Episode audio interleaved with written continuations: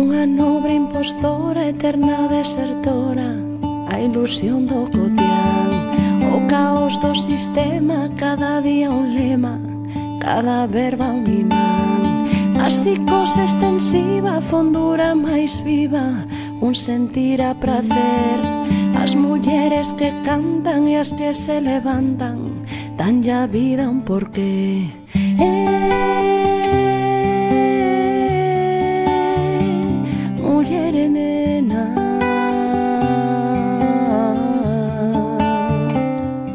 Este programa do Gris ao Violeta de hoy vamos a conocer la, vida no solo de uno de sus integrantes, eh, sino de toda una familia que, según tengo entendido, fue aquí en Pontevedra eh, una de las familias que más sufrió esa represión después del, del 36. Estamos hablando de la familia de Edelmiro Dios, que fue pues, brutalmente asesinado en el 36, y no solo en, en esa familia, vamos a decir la familia Dios Vázquez en, en general. Nos acompaña Mena Rey Dios, que es eh, sobrina de, de Edelmiro Dios e hija de Fina, ¿no? Mena, ¿cómo eran eh, tus abuelos? ¿A qué se dedicaban? Eran una familia más de, de Pontevedra, ¿no? Que vivían, sí. creo, en torno a ese negocio eh, de, sí. o, do Ferreiro do Pino, ¿no?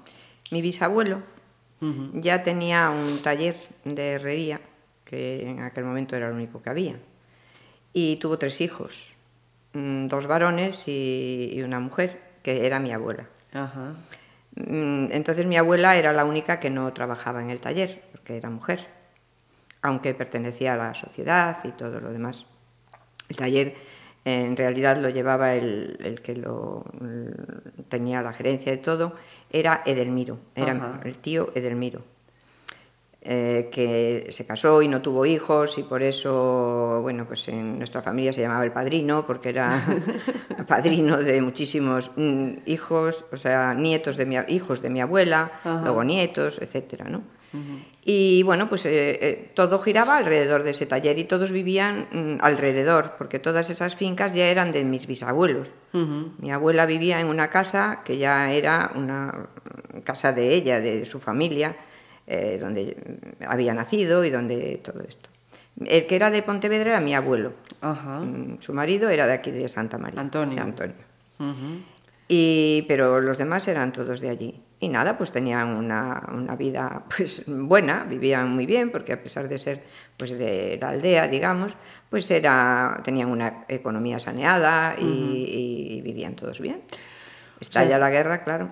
Antonio y Josefa, eso, vivían de, en torno a ese Exacto, negocio sí. y, y, tuvieron... Antonio era militar. 11 hijos. Antonio era militar. militar. Ajá. Se fue a la guerra de África, bueno, se casó, Ajá. tuvo el primer hijo, que era Edelmiro, se fue a la guerra de África, volvió, eh, tuvieron que operarle de un cáncer de garganta, ya no pudo ser militar y empezó a trabajar pues en el taller, pero en las oficinas del uh -huh. taller. Uh -huh. Y, y la abuela, Josefa, pues eh, a pesar de no trabajar en el taller, eh, pues era la que iba a las ferias. Uh -huh. Aquí se celebraba las fe la feria en la herrería sí. toda la vida.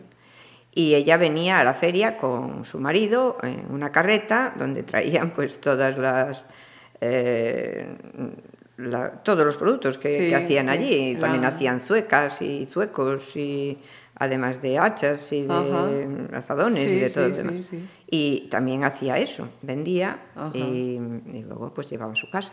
Uh -huh. Tuvo 11 hijos. Pues eh, 11 hijos de Josefa y Antonio, como nos decías, eh, Delmiro, uh -huh. el, el, primero de ellos, que fue un hombre eh, pues que se posicionó ideológicamente, ¿no? Exacto. Era dirigente del, del, Partido Socialista y cuando estalla la guerra civil, Sí. Él, digamos que es el, el, primero que sufre esa represión. Claro, en la era el primero y el único, porque realmente él, cuando estalla la guerra civil, tiene 28 años uh -huh. y los hermanos eran mucho más pequeños, eran bastante más pequeños. La siguiente ya era mi tía Esclavitud, que tenía 18, uh -huh. y mi madre eh, Fina, que tenía 17. Uh -huh. Entonces, bueno, y además eran mujeres. Mm, entonces él eh, su parte política pues la llevaba mm, él mismo, o sea, pues seguramente que sus padres sí que lo sabían y lo que fuese, pero nadie era, nadie participaba en nada porque no, no había ni cómo ni, ni, por qué, ¿no? Pero eh, poco antes de estallar la guerra sí saben que él eh, alguien les dice o él mismo les dice que está perseguido, que puede estar perseguido y que si hay algo, pues pues él tendrá que esconderse o lo que sea, y sus amigos y los compañeros de partido y todos esos, pues trataron de, esconderlo y de ayudarlo, pero bueno, no hubo nada que hacer. A él lo, apresaron, se lo llevaron al cuartel de la Guardia Civil, que, que era al calabozo, de, que era antiguamente... Era Tengo entendido en Barcelos, ¿no? En, en Barcelos, en Barcelos, sí. Y lo tuvieron unas noches, no sé exactamente cuántas. Lo que sí sé es que les avisaron a los hermanos de que al día siguiente lo iban a matar, que tenían una noche para ir a darle mm, una cena, o sea, podían llevarle algo de cenar y despedirse, pero solo podía ir uno. Pues ya te imaginarás lo que habrán pasado, no se lo querían contar a mi abuela, eran unos chiquillos, sobre todo chiquillas, etcétera, pues eh, le tocó a mi madre, en suerte, el ir a darle la cena. Eh, les hizo la cena, pues, la madre de Calisto, del restaurante Calisto, Mercedes, que era íntima amiga de la familia, sabiendo para qué era, mm, muerta de dolor, lógicamente. Y, y, mi madre, pues, se la llevó. Y entonces mi madre contaba que lo encontró tremendo, le habían dado palizas y estaba, pues, pobriño, muy mal pero él no sabía que lo iban a matar, por supuesto. Que se alegró muchísimo, que dejaran entrar algún hermano, que les llevara tal, etcétera, etcétera. Mi madre, pues me imagino que con un dolor de barriga, o sea, de tripas corazón. para no ponerse malísima. Y cuando salió, claro, ella sabía que al día siguiente lo mataban. Y ella decía que le dio un ataque de histeria. Decía ella que en aquel momento se llamaba así. Sí. Y entonces que empezó a patadas con el guardia que la, sacó, que la mandó salir. Que no sabe cómo no la mató, porque ella no, puede, no podía entender que el otro no le hubiese matado en el momento. O sea. Y no solo eso, sino que la consoló. Sino que la consoló. Y la serenó y la, bueno, y la entregó a los que la estaban esperando. Porque ella empezó a patadas con él y a llorar, a gritar, como una loca, lógicamente. Y, efectivamente, pues al día siguiente lo mataron y ellos pues no supieron nada de dónde estaba hasta muchísimo tiempo después. Apareció creo que en, Bora, ¿no? Estaba en el cementerio de Bora. Sí, en una cuneta en Bora. Eh, primero les dijeron en una cuneta porque parece ser que allí estuvo y de allí lo trasladaron al cementerio de Bora. Pero ellos iban a pasear por Bora, así de refilón, y dejaban algunas flores así tiradas por la cuneta, porque creían que estaba allí, hasta que luego se enteraron de que estaba en el cementerio de Bora, pero tampoco era fácil ir allí a, que, a dejar unas flores y significarte. o sea, tenían que ir. El miedo después les atenazaba. Yo no sé si era real que si ibas a verlo te pasase algo o si el miedo ya no te dejaba ni ir por si acaso, porque ellos después de eso sufrieron muchísimo. Los por eso ahí, quería, ahí quería seguir, perdona que te, sí, que te porque eh, eh, estamos hablando que, mm, muere, muere no, es asesinado Edelmiro y aún así siguen eh, a por tu abuelo, creo, ¿no? que es encarcelado a por tu madre y tu hermana. Mi tía, por mi madre y mi tía. perdón, eso es, eran hermanas, esclavitud y, fina, que eh, habían estudiado eh, magisterio, fueron apartadas de, la profesión, las oposiciones. no pudieron ejercer, las eh, raparon y también las encarcelaron. Porque primero fueron a buscar a mi tío Antonio, que era el otro hombre mm, siguiente, que era más pequeño que ellas. Ajá pero a Antonio ya lo habían escondido y no lo encontraron. Entonces se llevaron a mi abuelo, a mi tía y a mi madre. Y fue cuando las raparon, las encarcelaron, por supuesto. Y ellas sabían si mi abuelo vivía o no, porque si veían la bandeja llena o vacía de la comida que le pasaba, pero no sabían nada más. Ellas estaban muchas más mujeres allí metidas con las que hicieron una amistad evidentemente mucho más que de hermanos, porque vivir eso ya te lo puedes imaginar. Y, y, ellas no sabían si las iban a matar mañana o pasado. Allí cada día salía un camión de gente para matarlas. Y entonces, pues, no las mataron, pero bueno, eso sí les destrozó el sistema nervioso, lógicamente. Y, y bueno, pues ellas dicen que alguien la salvó, mmm, no supieron nunca quién, uh -huh. Pero tenía que ser alguien del régimen, lógicamente, porque quien podía dar la orden de que la soltase... Sí, tenía que ser alguien que estaba en ese momento. Y de repente, pues, pues lo soltaron a los tres. Bueno, pues mi abuela, mientras tanto, y el resto de los hermanos, cada uno lo sufrió a su manera, mm, pues muy mal, porque uh -huh. eh, una tía mía, mi tía Anita, que era más pequeña, eh, era la siguiente, Antonio, pues decía que ella pasó de ser una niña felicísima con todos sus hermanos, porque ella pues debía ser la quinta o la sexta o esto, a tener que ir a lavar la ropa al río, la ropa de, del taller, de, de, uh -huh. de, de los hermanos, de, todo el mundo, imagínate qué ropa, o sea, qué cantidad de ropa habría en esa casa con todos los que eran, porque dejaron de tener pues el servicio que tenían, ni los jornaleros, ni nada, no podían tener nada, ni nada, y ella tenía que cruzar la carretera hasta el río uh -huh. y lavar allí, y siempre decía que un señor muy amable le, cuando la veía le, le, ayudaba a llevar la tina de la ropa, porque ella no podía, era una, una chiquilla, sí, debía sí, tener 15 sí, años, 14 años tendría, uh -huh. que cada uno lo sufrió en sus propias carnes de una manera horrorosa, uh -huh. más el miedo que tenía en su casa, no se podía hablar de nada, no podía preguntar por las hermanas, no podía preguntar nada, nada. Eh, y todo era así, o sea, así mi abuela vivió con ese terror porque además eh, ya no solo esa represión, eh, pues con lo que estamos relatando, el asesinato de Delmiro, el encarcelamiento mm. de esclavitud de Fina, de Antonio, sino que además también seguían acosándolos con, multi, con multas, todo. intervinieron la empresa, o sea, todo, que fue todo, un acoso total y absoluto. Todo, como hacían con todos, mm, todo lo que estuviera relacionado, porque realmente, mm, el, o sea, el, el tío de mi madre, Delmiro, no creo que tuviese nada que ver en ningún asunto uh -huh. político, para nada.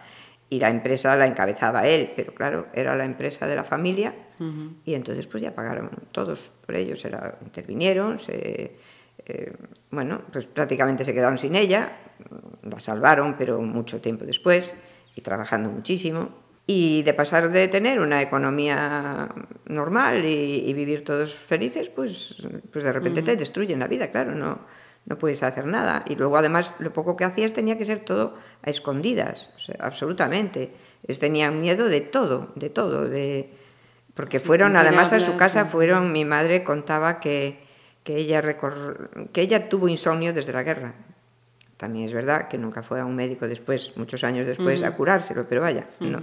que no, que le había quedado insomnio porque ella eh, mal dormían, escuchando mm, muchas veces que, que, estaban policías cerca, guardias, y que, porque los perros ladraban, uh -huh.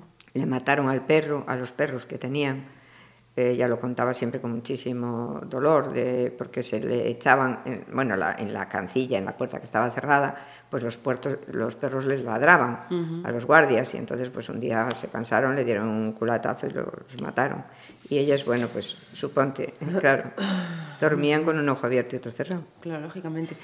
Hablábamos también eh, de tu tío eh, Antonio, llevaba el mismo nombre que, que su padre, que sí. este año, en julio, eh, cumplió 100 años y a raíz de ahí, pues eh, digamos que mm, ha trascendido para la opinión pública uh -huh. también eh, otro capítulo de, de, la familia Dios Vázquez, que, que, fue esa bandera de la Sociedad de Agricultores de Salcedo, que, que, tejió... que nadie sabía que existía, uh -huh. que estuvo uh -huh. escondida más de 60 años. Tampoco tendría mucha lógica que estuviese escondida, porque no... Pero bueno, como era una, una asociación de agricultores, pues se tendría como obreros y se entendería como, como socialistas, al re... o sea, uh -huh. date cuenta. Y allí estuvo, escondida, pues creo que 60 años, que la abordó la abuela y más gente, creo. Uh -huh. Pero... Dicen que fue el diseño era de, de Castelao, que eso, que a tu abuela se lo habían pedido y que la mujer que tenía un taller de, de costura... Sí que, que incluso los, eh, los, hijos habían elegido los hilos, que Antonio, por ejemplo, es que sí. recibe el homenaje, habían elegido incluso los, los hilos. Seguro, para... seguro, sí, sí, sí. sí. ¿Tú tienes recuerdos? Eh, ¿te Yo de la, de la, bandera nada, porque la bandera estaba escondida, entonces Ajá. de eso no se hablaba. Nadie... Ajá. Uh -huh. No, si mi, mi madre tenía mmm, cuidado de hablar hasta en casa. Uh -huh. En mi casa nunca se pudo hablar gallego ni decir nada en gallego, porque eso mmm, podía dar mmm, lugar a malos entendidos. El gallego estaba prohibido. Y entonces, pues, pues bueno, nosotros nacimos eh, aquí mismo en Pontevedra y no hablábamos gallego, evidentemente. Pero si había una chica en casa o cualquiera, o las jornaleras de mi abuela, todos hablaban gallego. Ajá. Y entonces a nosotros pues nos hacía gracia decir lo que fuese. Bueno, pues como te, te oyesen diciendo sí, algo en sí. gallego, ya venían diciendo, ¿quién te enseñó a decir eso? O sea, nos caía Ajá. una bronca que sí, no te puedes ni imaginar. El miedo. Del miedo, claro.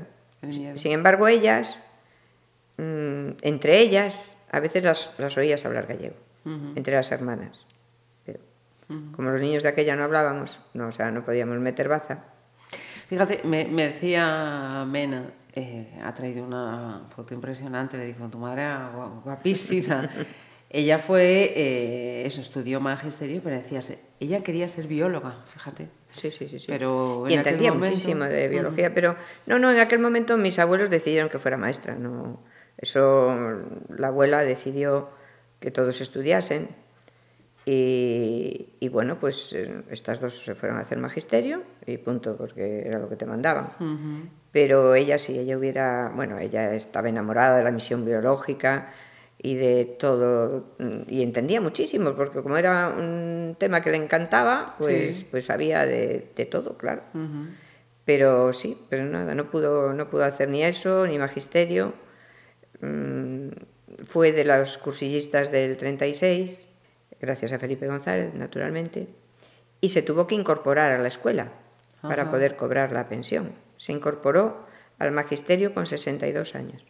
Le dieron escuelas infantiles, evidente. Uh -huh. y, y, tuvo que ejercer tres años antes de jubilarse. Uh -huh. Los tres únicos años. Que Los tres únicos años. Pero claro, ¿quién le iba a decir a ella uh -huh. que bueno, era impensable, por supuesto.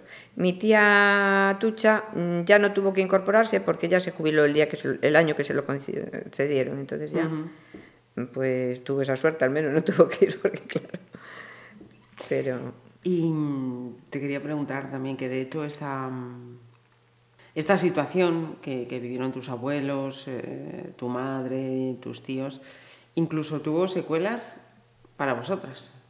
En mi generación. Uh -huh. Sí, sí, claro, vivía Franco. Uh -huh. Mientras vivió Franco siempre hubo secuelas, todavía. Caramba. Y hay una frase que he leído de, de los eh, compañeros de, de Pontevedra Viva, cuando tu abuelo, perdón, cuando tu tío recibía ese homenaje en el Concello del de Centenario, eh, esa frase de que a gente se le ve bien, que la gente se lleve bien, sí. ¿no? me imagino que es toda, toda una lección para sí, todos. Ellos no nos inculcaron nunca mmm, un odio. Uh -huh. O sea, mi madre fue socialista hasta que se murió, porque después ya no le dejaban ser, pero hasta entonces fue. Y siempre nos, mm, nos obligaba, vamos. O sea, ella decía que no, pero, pero tú podías decir cualquier otra cosa y vas a llevar una bronca pero mm, como mínimo de izquierdas, o sea, como mínimo de izquierdas y, por supuesto socialista.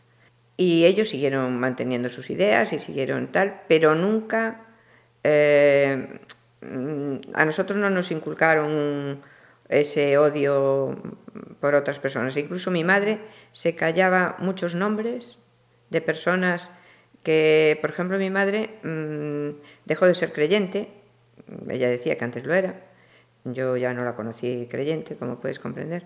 Mi padre era muy, muy creyente, y, pero bueno, vivieron pues 75 uh -huh. años casados, una cosa así, o sea que no pasó nada. Pero mi madre nos mandaba a misa. Nosotros hicimos la comunión, nosotros estudiamos en un colegio religioso. Uh -huh. Después nosotras pensábamos que debía ser para aparentar que no estaba en contra, digo yo, porque yo qué sé.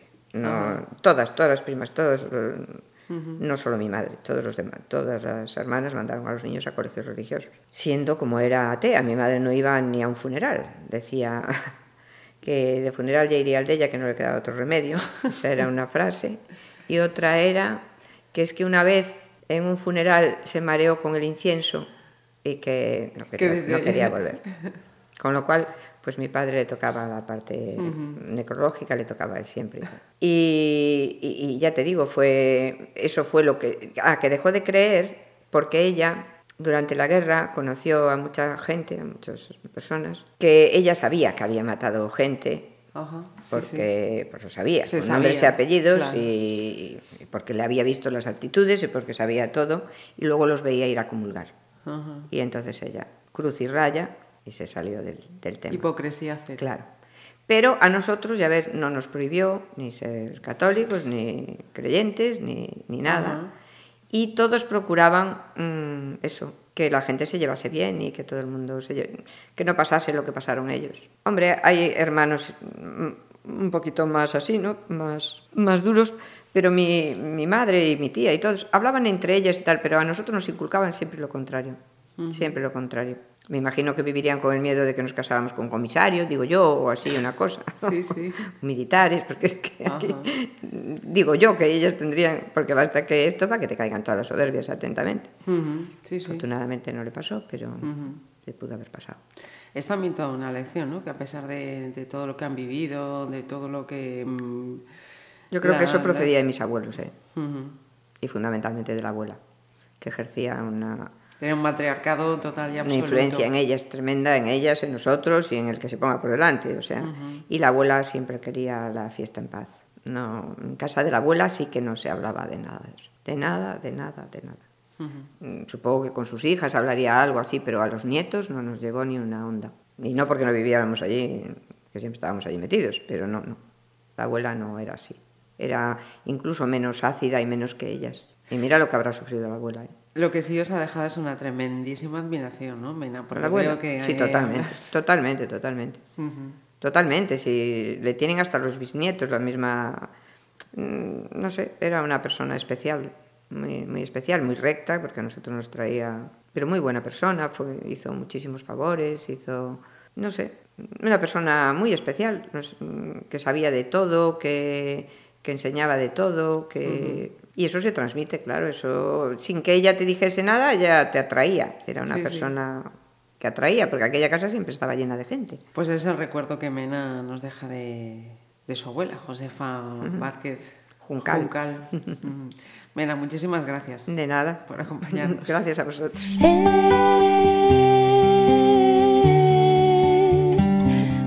mujer nena.